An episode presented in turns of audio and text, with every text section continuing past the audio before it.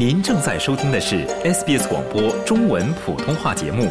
更多节目内容，请浏览 sbs 点 com 点 au 闲斜杠 mandarin，或下载应用程序 SBS Radio App。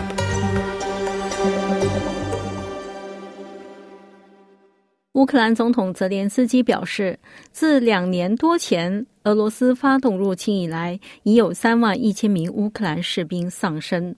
乌克兰总统表示，俄罗斯军队将在今年夏天尝试在乌克兰东部前线发动另一次攻势。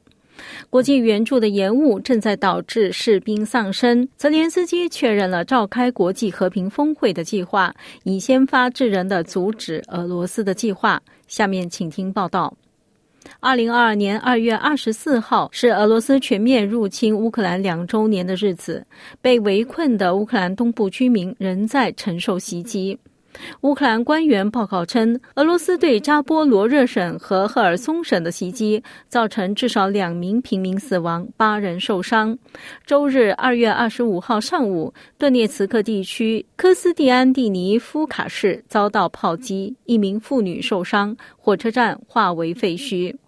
这位居民说，他醒来时发现俄罗斯制导航空炸弹造成的破坏。I was asleep at night. I saw lightning that lit up the whole town. That was it. 晚上我睡着了，我看到闪电照亮了整个城镇。就这样，我没有听到任何巨响。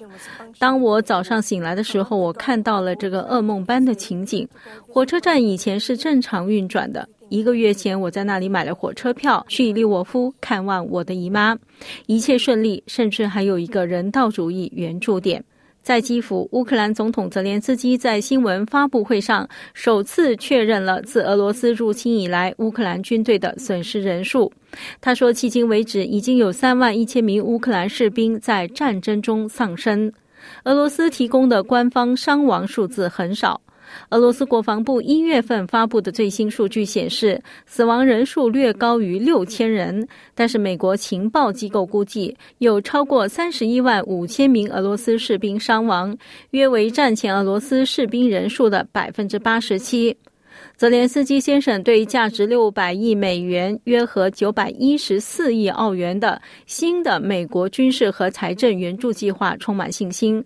该计划目前遭到国会共和党人的否决。美国国家安全顾问杰克·沙利文表示，他相信只要西方盟友兑现承诺，基辅就有一条通往胜利的道路。随着当前与俄罗斯的战争进入第三个年头，泽连斯基先生面临着迄今为止最严峻的挑战。国际援助的未来尚存疑问，其国家最高军事指挥官被替换，军事重组后的来自乌克兰国内的批评。上周，俄罗斯军队占领了战略城市阿夫季夫卡。此前，乌克兰军队因供应减少而被迫撤军，以避免军队被包围。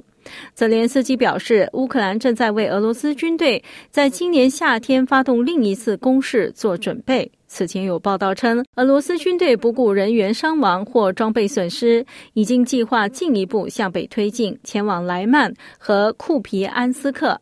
但是，乌克兰领导人一直表现出不屑的态度。军事情报局局长凯里洛。布达诺夫驳斥了俄罗斯对库平斯克的威胁。As for the military objectives, they have a single objective that they are trying to complete. 至于军事目标，他们有一个目标，他们在过去两年里一直试图完成，但没有成功，就是占领卢甘斯克和顿涅茨克地区的边界，并保住他们所拥有的东西。他们没有成功。二零二二年、二零二三年都做不到。二零二四年，他们也做不到。俄罗斯总统普京利用入侵周年纪念日前夕，俄罗斯祖国保卫者假期二月二十三日的时候，向军队表示祝贺，并承诺进一步重新武装和现代化。他表示，俄罗斯将进一步进军乌克兰，以在阿夫迪夫卡倒台之后巩固其成功。面对俄罗斯更强大的军事力量，乌克兰总统已确认。将召开国际和平峰会的计划，以先发制人的制止俄罗斯的进攻。他说，计划将在瑞士根据他的十点和平公式制定，并在稍后的峰会上提交给俄罗斯总统的代表。他希望这将为公正、和平和结束战争提供机会。Ми запропонуємо майданчик, на якому він We will offer a platform where he can agree that he has lost this war. 我们将提供一个平台，让普京同意他输掉了这场战争。这是一个错误，一个对他来说可能看起来很小的大错误，但对我们来说，这是一场悲剧。当然，这是整个民主世界的悲剧，因此正义必须得到伸张。想听到更多这样的故事吗？